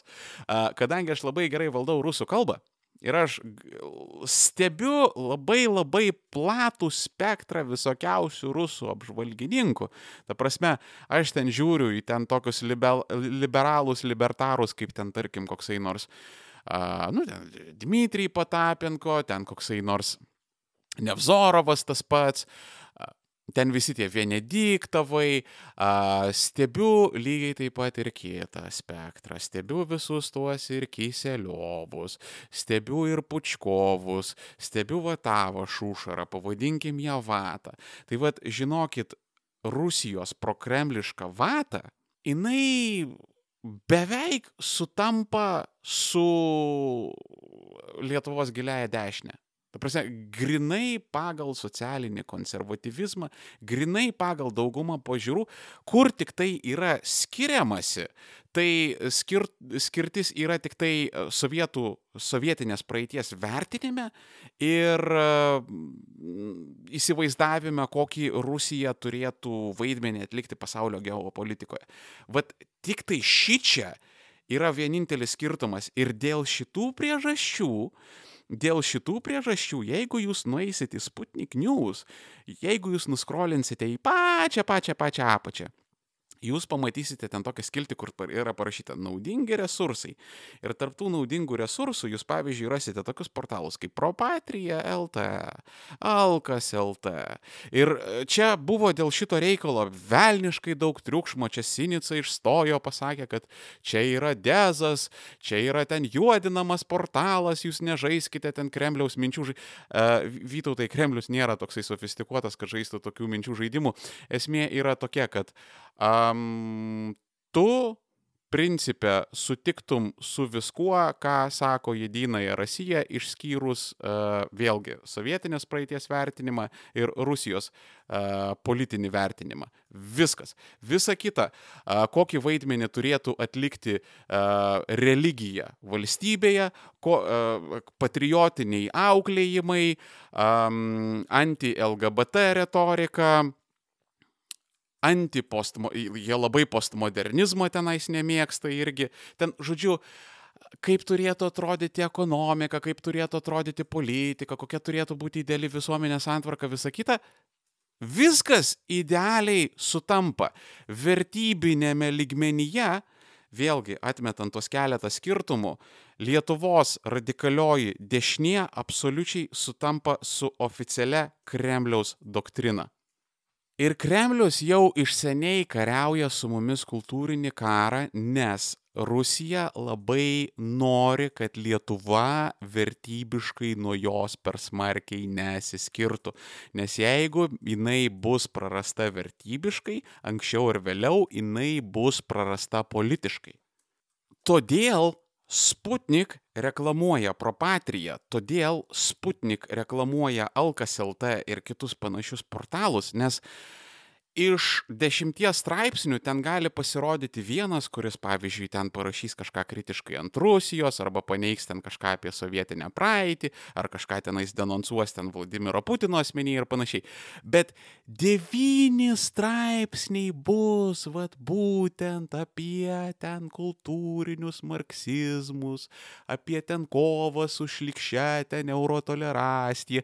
Ta prasme, devyni straipsniai iš dešimties tai yra banalybė banali, tipinė rusiška prokremliška kiseliovšina, nežiūrinti tai, kad tie portalai labai aršiai nori atsiriboti nuo Rusijos ir Kremliaus, bet didžioji dalis teikiamos jų informacijos absoliučiai atitinka Kremliaus vertybės.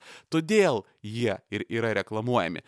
Beje, dalis sovietinių vertybių jos e, visuomenėje yra išsivaikšči, išsivaikščiojusios įdomiai, nes anti-LGBT klausimai Sovietų sąjungoje atsirado ten aš esu matęs aiškinimų, kad ten, žodžiu, LGBT dalykai čia yra sugalvotis. Nieko sovietai nesugalvojo. Jie buvo trumpam dekriminalizavę homoseksualizmą, 17 metais, man atrodo, iš karto po revoliucijos, nes jie paprasčiausiai atšaukė visus carinius įstatymus ir į tą laiką, kol jie sukūrė naujus įstatymus, naujus kodeksus, naujus jų tenai savadus ir, ir, ir, ir įteisino, tai va ten keletą metų homoseksualizmas buvo legalus. Paskui jisai buvo labai greitai kriminalizuotas kurį laiką ten buvo svarstoma, nu, ten buvo vieni komunistai kurie sakė, kad e, homoseksualizmas čia yra baisu, supranti, e, buržuazinių visuomenių ten dekadentiškas elgesys, elgesys. O iš, iš e, kiti maždaug buvo ten, ai, ambivalentiški, tiek to man tiesiog neįdomu, treti kaip tik norėjo šitą dalyką įteisinti ir legalizuoti, nes nu išlaisvinkim visus žmonės. Ir galiausiai viskas baigėsi su Josifu Stalinu, nes Stalinas paprasčiausiai pasakė, Karočią reiškia yra taip, e, socializme ir komunizme visuomenė turi eiti bendro gėrio link, visoks ten homoseksualistinis, lesbistinis ir panašiai seksas, jisai vaikų, kaip žinia, negamina, o mums yra reikalingi labai ten vaikai, mums yra reikalingi ten darbininkai, kareiviai ir panašiai. Ir kad šitie dalykai neplistų, šitą reikalą reikia tučto jau užgesinti. Ir, sakysim, ta sovietinė ideologija visada buvo iš to, kad, vat, nu, homoseksualizmas čia yra vakarų dekadansas, viena pusė, kita pusė, nu, tikras žmogus yra šeimos žmogus, tikroji vertybė yra šeima, galų gale tas labai labai smarkiai įgavo didelį pagreitį šitą retoriką po antro pasaulinio karo, kada ten buvo didžiulė demografijos dobė dėl, nu, savaime suprantamų priežasčių.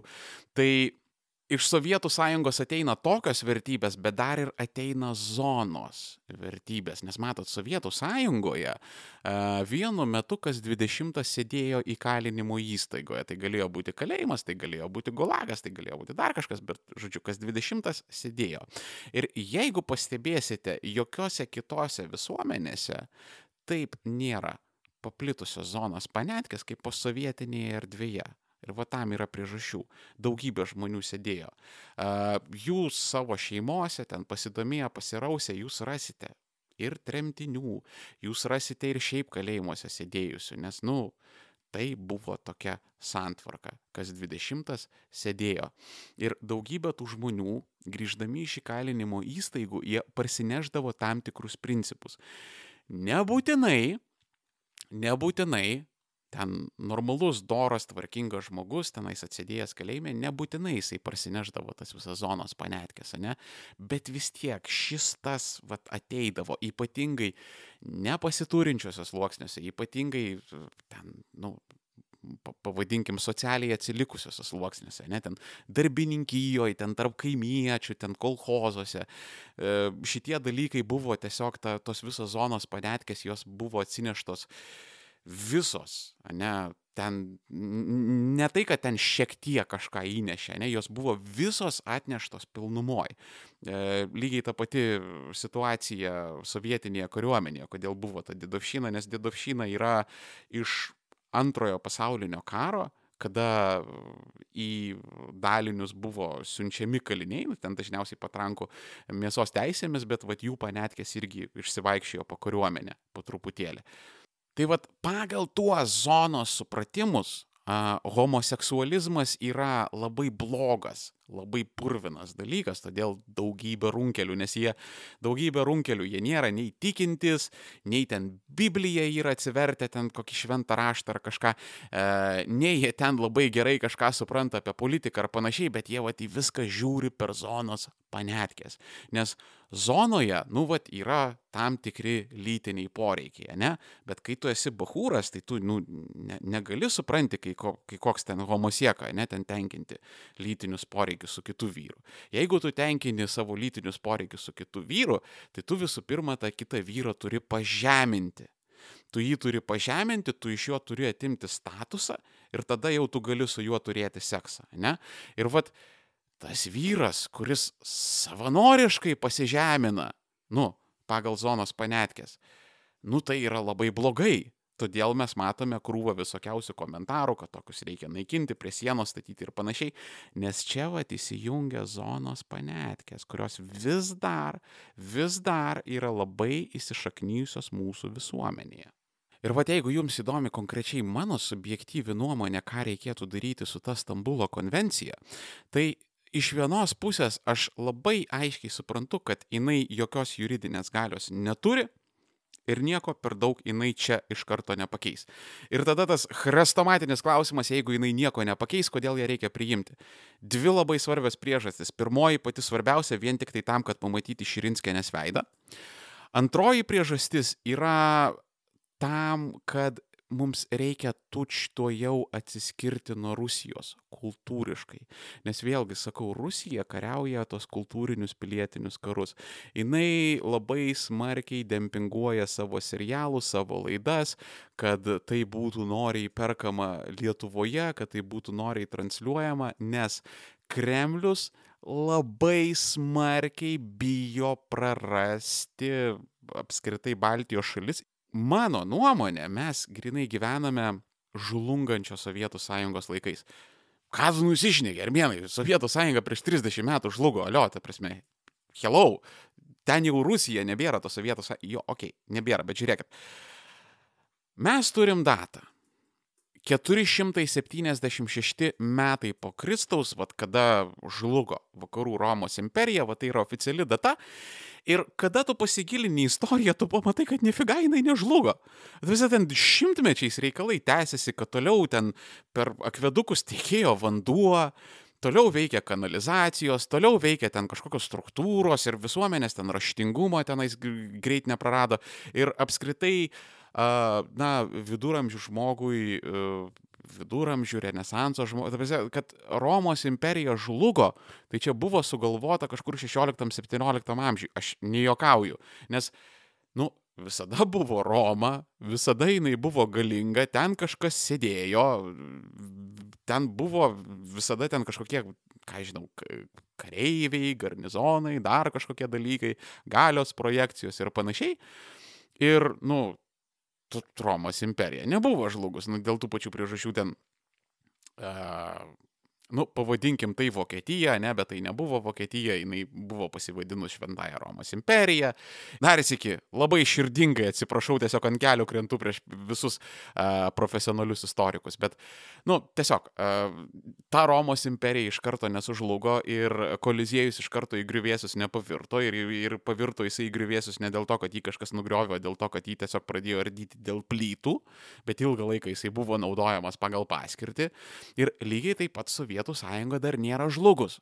Suprantat, jinai dar yra žlugimo procese, nors formaliai toksai darinys kaip ir neegzistuoja, bet sovietmetis vis dar yra. Sovietmetis yra vis dar e, sovietinėse vertybėse, kurias aš jums ką tik nupaišiau, Sovietmetis yra vis dar e, Kremliaus bandyme žud būt išsaugoti savo orbitoje visas 15 respublikų.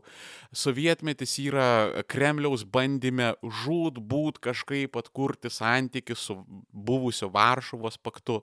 Ta prasme, nu, šitie procesai nėra pasibaigę. Ir, ir, ir ta Sovietų sąjunga mano nuomonė, aišku, jinai žlugs, aišku, jinai neatsikurs. Ir jeigu jinai atsikurs, jinai niekada neatsikurs kaip ten socialistinė komunistinė valstybė, tai bus kažkoks kitoks darinys, bet, nu, tai, tai yra dar tos žlungančios imperijos priešmirtinis šauksmas, vad kurį jinai pagimdė tą avatarą Vladimirą Putiną, kuris turėjo atstatyti senąją galybę. Ir, vad, nu, tai yra labai man primena tą Galiną Brėžnevą, to paties Gensieko Brėžnevo dukrą, kuri ten į gyvenimo pabaigą buvo ten nusigyvenusi visiškai alkoholikė, kur ten sėdėjo ten landiniai ir ten, žodžiu, ateidavo pas ją ten družokai alkoholikai, kur ten prigirdydavo ir ten pabiški išnešinėdavo ten jos kailinius ir brangenybės ir ten taip toliau. Tai vad, Sovietų sąjunga dar tebe žlunga, Ir bežlugdama, desperatiškai bandydama būti aktuali, desperatiškai bandydama išsaugoti savo satelitus, jinai stengiasi kovoti kultūrinį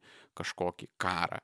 Ir tam karui reikia atsilaikyti, tam ir yra reikalinga Stambulo konvencija, kad kaip įkaitintų iki raudonų, nu, iki baltumo, iki raudonumo jau nieko nepadarys, įkaitintų iki baltumo kirviu nukirsti tiesiog ir iš karto uždeginti bet kokius kultūrinius ryšius. Ir mano nuomonė, Lietuvos politika turėtų būti orientuota būtent į tai kuo greičiau atsiriboti nuo sovietinės kultūros ir tai padaryti vat, būtent įstatyminėme, politinėme, ekonominėme, kultūrinėme lygyje. Tam mums reikia Stambulo konvencijos, nes lygiai taip pat kaip ir viduramžiais, tie, kas yra už Stambulai, tie yra su Roma, tie, kas yra prieš Stambulai, tie yra su Konstantinopoliu. Žinot, norit, bet pabaigai pasidalinsiu vienu tokiu dalyku. Žinot, kas yra mano pati tokia purviniausia, nešvariausia fantazija. Aš, aš vat, vat vis pagalvoju, kad aš norėčiau pamatyti karą, pamatyti žalius žmogeliukus Lietuvoje. Aš žinau, kad tai yra siaubingai iškrypusi, siaubingai makabriška mintis, nes, va, nu, aš, aš, aš esu pusiau armėnas, aš turiu giminių Armenijoje, kur vyksta karas, jau šituose Karabacho konfliktuose jau ten yra pas mane žuvusių artimųjų ir aš labai gerai žinau, kas yra karas. Nu, kaip aš gerai nežinau, kas yra karas, bet grinai per tą uh, savo giminių osmozę aš geriau žinau, kas yra karas negu dauguma lietuvių.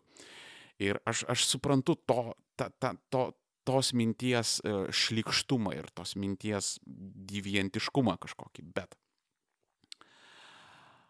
man būtų įdomu a, pamatyti, kas būtų, jeigu čia Lietuvoje pasirodytų žali žmogeliukai, jie visada gali pasirodyti, nes ta desperatiška Rusija gali sugalvoti kažkokiu paskutiniu eskapadu, galų gale pati bežlunganti, begriūvanti jau ten tos sovietinės imperijos liekanos, tai jūs tikėkit manęs, kad tai irgi išsilies ant mūsų kraštų, ne?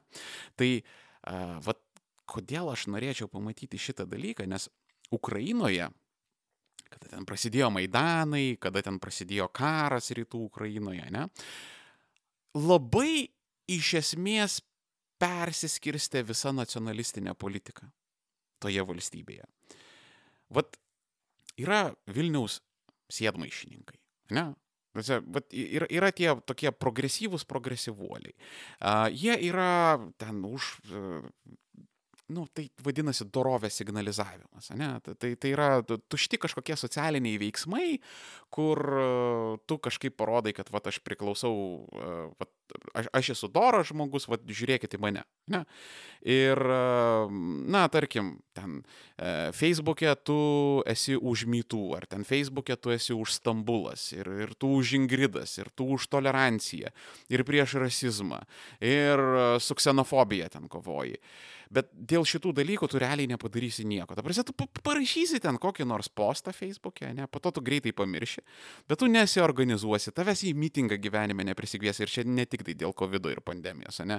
Tu litų nenumė, nenumesi ten kovojančiai už tai organizacijai. Tiesiog tu kovosi griežtai tokias tušias kultūrinės kovas, ten socialinėje erdvėje ir kažkokioj tokioj labai ribotoj, uh, pareikšti ten keletą tokių progresyvių deklaracijų ir tom tai baigsis, ne. Nu, maybe, maybe išeisi į Baltic Pride. Maybe išeisi į gėjų eitynės, kur ten bus labai geri faini selfiai ten su uh, vaivorykštinė su vaivorykštinė vėliava, bet kad vat, nueitum pa, pa, pamitinguoti prie Lenkijos ambasados, ne tenais už moterų teisės, tai nelabai tavęs prisikviesi.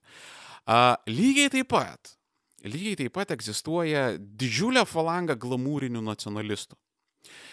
Ir jie per naktis ten varo paklodėm komentaruose. Kodėl Stambulo konvencija sulaikys Lietuvą, sulaikys, sunaikins Lietuvą, kaip čia yra baisu, ten postmodernizmas, kultūrinis marksizmas, ten da, da, da.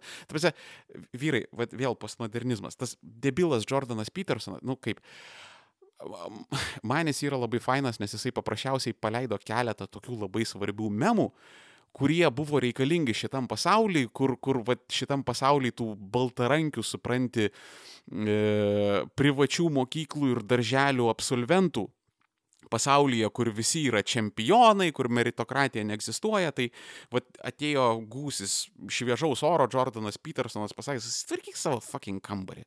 Tada jau, žinai, pašnekėsim apie pasaulį. Tai vat, dėl šito aš jį labai užskaitau, bet jisai, kai pradėjo šnekėti apie postmodernizmą, tai, nu, aš penkias minutės irgi tais dalykais tikėjau, bet kada nes, nu, man kažkas sako, nu, tai aš pasidomiu, kas ten do šaltinis yra, ne? Ir pradėjau ten lysti į ten Deridą, į Foucault ir panašiai, ir aš radau absoliučiai kitokius dalykus, iki pat to, kad marksistai ir komunistai nekenčia postmodernistų. Ta prasme, kad materializmas yra, nu, tiesiogiai čia kaip aliejus ir vanduo, ta prasme, čia kaip nacionalizmas ir uh, progresyvizmas, koks, nu, whatever, ta prasme, nesimaišo šitie dalykai, ne, ten, ta prasme, marksizmas, komunizmas, nieko bendro neturi su postmodernizmu. Tai vad, yra ten daugybė žmonių, kurie ten verkia per naktis, ten rašo, kad ten uh, paklodėm apie visus šitos reikalus, bet kiek jų yra nuėję į kariuomenę? Kiek jų yra šauliuose? Toks klausimas. Hm? Nes pavyzdžiui, uh, Aš turiu klausytojų, kur dirba karo prievalės ir komplektavimo skyriuose. Tai, va, žinokit, pasirodo, aš irgi labai nustebau, bet po Krymo aneksijos ten į kariuomenę savanoriais šniūrais patraukė didmešių hipsteriečkos. Ir ten visokie, supranti, ten progresyvuoliai, ten aitišnikai, ten visa kita, kur net patiems buvo keista žiūrėti į tuos reikalus. Tiesiog ėjo savanoriškai atlikti karo tarnybą, į šaulius jų ten daugybę patraukė.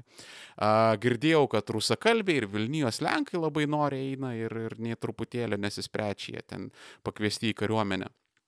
Ir vėlgi, tie patys žmonės iš vojenkomatų man pasakojo, kad ateina toksai, supranti, su trispalvės našyvkiam, su gediminaičių stulpais ten ant bomberio. Nu, neskinhedas, bet taip matosi, kad vasario 16 su fakelu išeina, ne toksai. Tai, tai žinokit, kaip taisyklė, prasideda ten karočiai iš kuprinės, traukia kažkokius popierius, ten rengeno nuotraukas, žinokit, man stuburas iškrypęs, man plokščiapėdystė, aš ten šienlygę turiu, man ten lėtinis konjunktyvitas, man ten tas anas trečias. Ne. Tai vad, Taip pat kaip yra tas glamūrinis progresyvizmas, yra ir glamūrinis nacionalizmas, kur aš už šeimą, už tėvynę, už tradicinės vertybės, bet aš šeimos neturiu. Tėvynės gint neįsiu, nes nuo Hearts of Iron grainimo aš turiu tunelio riešų sindromą. O tradicinės vertybės pas mane baigėsi su inkognito sesijomis chrome. Ir va dėl to, va dėl to, aš, e, mano pasąmonė šaukėsi tų žalių žmogeliukų kartais silpnumo akimirkom. Aš stengiuosi šitą dalyką tvardyti, nes va tada, tada mes labai gerai pasižiūrėtume, kas yra tėvynės gynėjas, kas... Nes matot, aš jau minėjau, kad Ukrainoje nacionalizmo politika, jinai labai labai greitai persiskirstė, nes a, tada jau tu negalėjai plėšinti višavankės ir sakyti, kad aš už tėvynę ten viską atiduoju, aš, aš ginsiu ten tėvynę. Ir tada iš karto, nu, tau pasako, kad žiūrėk, ten vat, frontas yra. Eik ir kariauk, gink tėvynę, ten reikia tokių kaip tu. Per, per senas ten ar ten sveikata neleidžia, nu tai vaikus išsiųsk. Vat, nu, jeigu tu tikrai esi vat, už tėvynę viską atiduosi, tai atiduok jai tai, ką tu brangiausi, neturi vaikų, nu taip, užsiparduok viską, ką turi, ten, žinok, žmonėms visko trūksta. Išsiparduok viską, ką turi ir paukok, va, tuos pinigus jiems. Ir Labai greitai kalbos baigėsi. Labai greitai ten tie visi, kurie ten baisiausi buvo, ten nacionalistai, ten tradicijų ir šeimos ir tėvynės gynėjai, labai greitai dingo nuo eterio. Nes, nu, tada, kada tau reikia tikrai įrodyti savo ketinimus, tada kraštinių neatsiranda. Aš vad girdėjau ten e, Audrių Bačiulį aiškinant, kad e, vat, jeigu karas, aš ten nusipirksiu Kalašnikovą, ta prasme, nu, šiaip, šiaip Bačiulis jis gerai apie karybą šarina, bet čia, nu, čia, čia irgi tas yra gerovės, e, dorovės, atsiprašau, signalizavimas apie tai, žinai, kad, vat, oi, čia jeigu bus karas, aš nusipirksiu Kalašnikovą, vat aš esu ten, žinai, krūtas ir moralus. Nu, ką tu su to Kalašnikovo bačiulį padarysi? Ta prasme, tu, tu, tu geriau nusipirk kalai, ta prasme, visų pirma, iš kur jį rasi, ne, ten neaiškink, kad pas tavę yra kontaktai, žinai, visi turi kontaktų, bet, nu, ten pas mane taip yra, kad, nu, taip, kaip pasakyti, ten dėl gyvenimo aplinkybių, ten žinau žmonių ir dalykų, bet, nu, užtruksiu, užtruksiu, kol aš ten nusipirksiu nors kokį ginklą, aš jau nekalbu apie Kalašnikovą, bet taip normaliai užtruksiu. Tai visų pirma, kur tu jį gausi. Visų antra, jeigu tu jį gausi, tu geriau jį atiduok tam, kuris moka ir gali juo naudotis, o pats tu nusipirk savižudžio lemenę. Nes, ta prasme, ką tu su tuo Kalašnikovu darysi? Ten ginsi savo turtą, savo tą šiukšliniškių, supranti, butelį, ne, tą stambą plokščiam name ar ten kažkur, tipo su to Kalašnikovu, jo, nu gerai, ten nušausi vieną ten žalę žmogeliuką, jie ten aišku, su ten bronė žalėtais, storais, ten šalmai pas juos tokie didžiuliai kaip pas murfus. Nu gerai, pašausi vieną, tau ten įmes flashbangą ir tada tave tiesiog ten susuks ten su kraujuojančiam ausim ir ten greičiausiai papjaus tave kaip keulę, kad neįkvoti ten kulkų. Ne? Arba tiesiog granatą įmes, arba RPG per langą, arba dar kažką. Tiesiog, ką tu su to, tu ten partizanausi, ne? Ta prasme, tai, nu, ten vietoje tavęs vieno ten galėtum ten penkis partizanus pamaitinti. Ar, ar, ar tu nueisi barš brasoką, ar tu ten miške galėsi slaptytis. Apskritai partizaninis karas yra sudavai smūgį greit atsitraukiai, tai čia apie tave, ta prasme, bičias tave iš kosmoso galima pamatyti. Nu, tai čia, vat, vat yra lygiai tie patys dalykai, vat lygiai taip pat kaip ten koksai leftistėlis, ten MeToo, ten LGBT, ten Baltic Pride, o tai gal į mitingą ateisi. E, e, taip, nu, šalta ten viską. Tai vat, čia yra tie patys dalykai. Nes, žinot, vat, aš stebiu situaciją Ukrainoje, aš stebiu situaciją ten Armenijoje, visą kitą. Žinot, kas eis kariaut, kada reikės kariaut ne Bačiulis, ne Sinica, ne Raskevičius, ne Markas Adamas Aulas. Jie neįs kariauti. Žinot, kas eis kariauti? Eis kariauti tie vaikinukai, kurie ten maksimuose palėtės krauna, e, kur jums mašinas remontuoja, kur jums siuntinius pristatinėja. Jie be kalbų, be ten ceremonijų, be ten kažkokių ten, o aš ten einu, ten ginti. Ne. Tykiai, ramiai, nueis, padarys kas liepta ir tada grįš atgal jums tualetų valyti. Irgi lygiai taip pat, tykiai ramiai. Ir vad visų šitų didelių ekskursijų ir pasivaikščiojimo laukais reikėjo tam, kad aš norėjau danešti iki jūsų, mano nuostabieji mylėjai klausytojai, vieną labai svarbę žinutę. Stambulo konvencija yra kontroversiška tik tai tokių intelektualų baltarankių didmeščių visuomenės parazitų, kaip aš ratuose. Ten tai yra kontroversija. Likusioje Lietuvoje, kur gyvena didžioji dalis žmonių, trys ketvirčiai, keturi penktadaliai, tikėkit manęs, daug ten žmonių gyvena, jų yra gerokai daugiau negu mūsų. Vat ten, žinot, kas yra didžiausia kontroversija? Ne Stambulo konvencija, ne Nord Streamas, ne JAF rinkimai. Didžiausia kontroversija ten yra Lietuvos rytas prieš žalgerį. Tuom skaitau ir pabaigiam.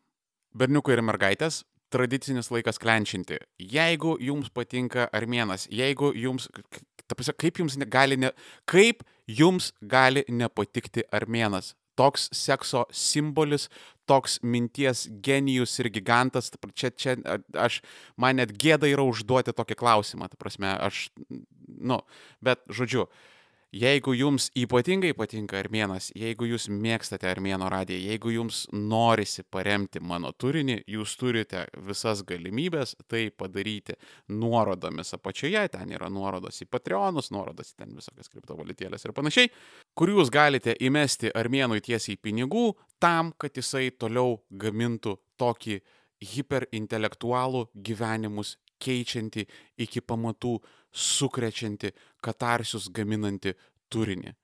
Ačiū visiems, kas klausėte, ačiū visiems už paramą. Šiandien viskas. Darom stop.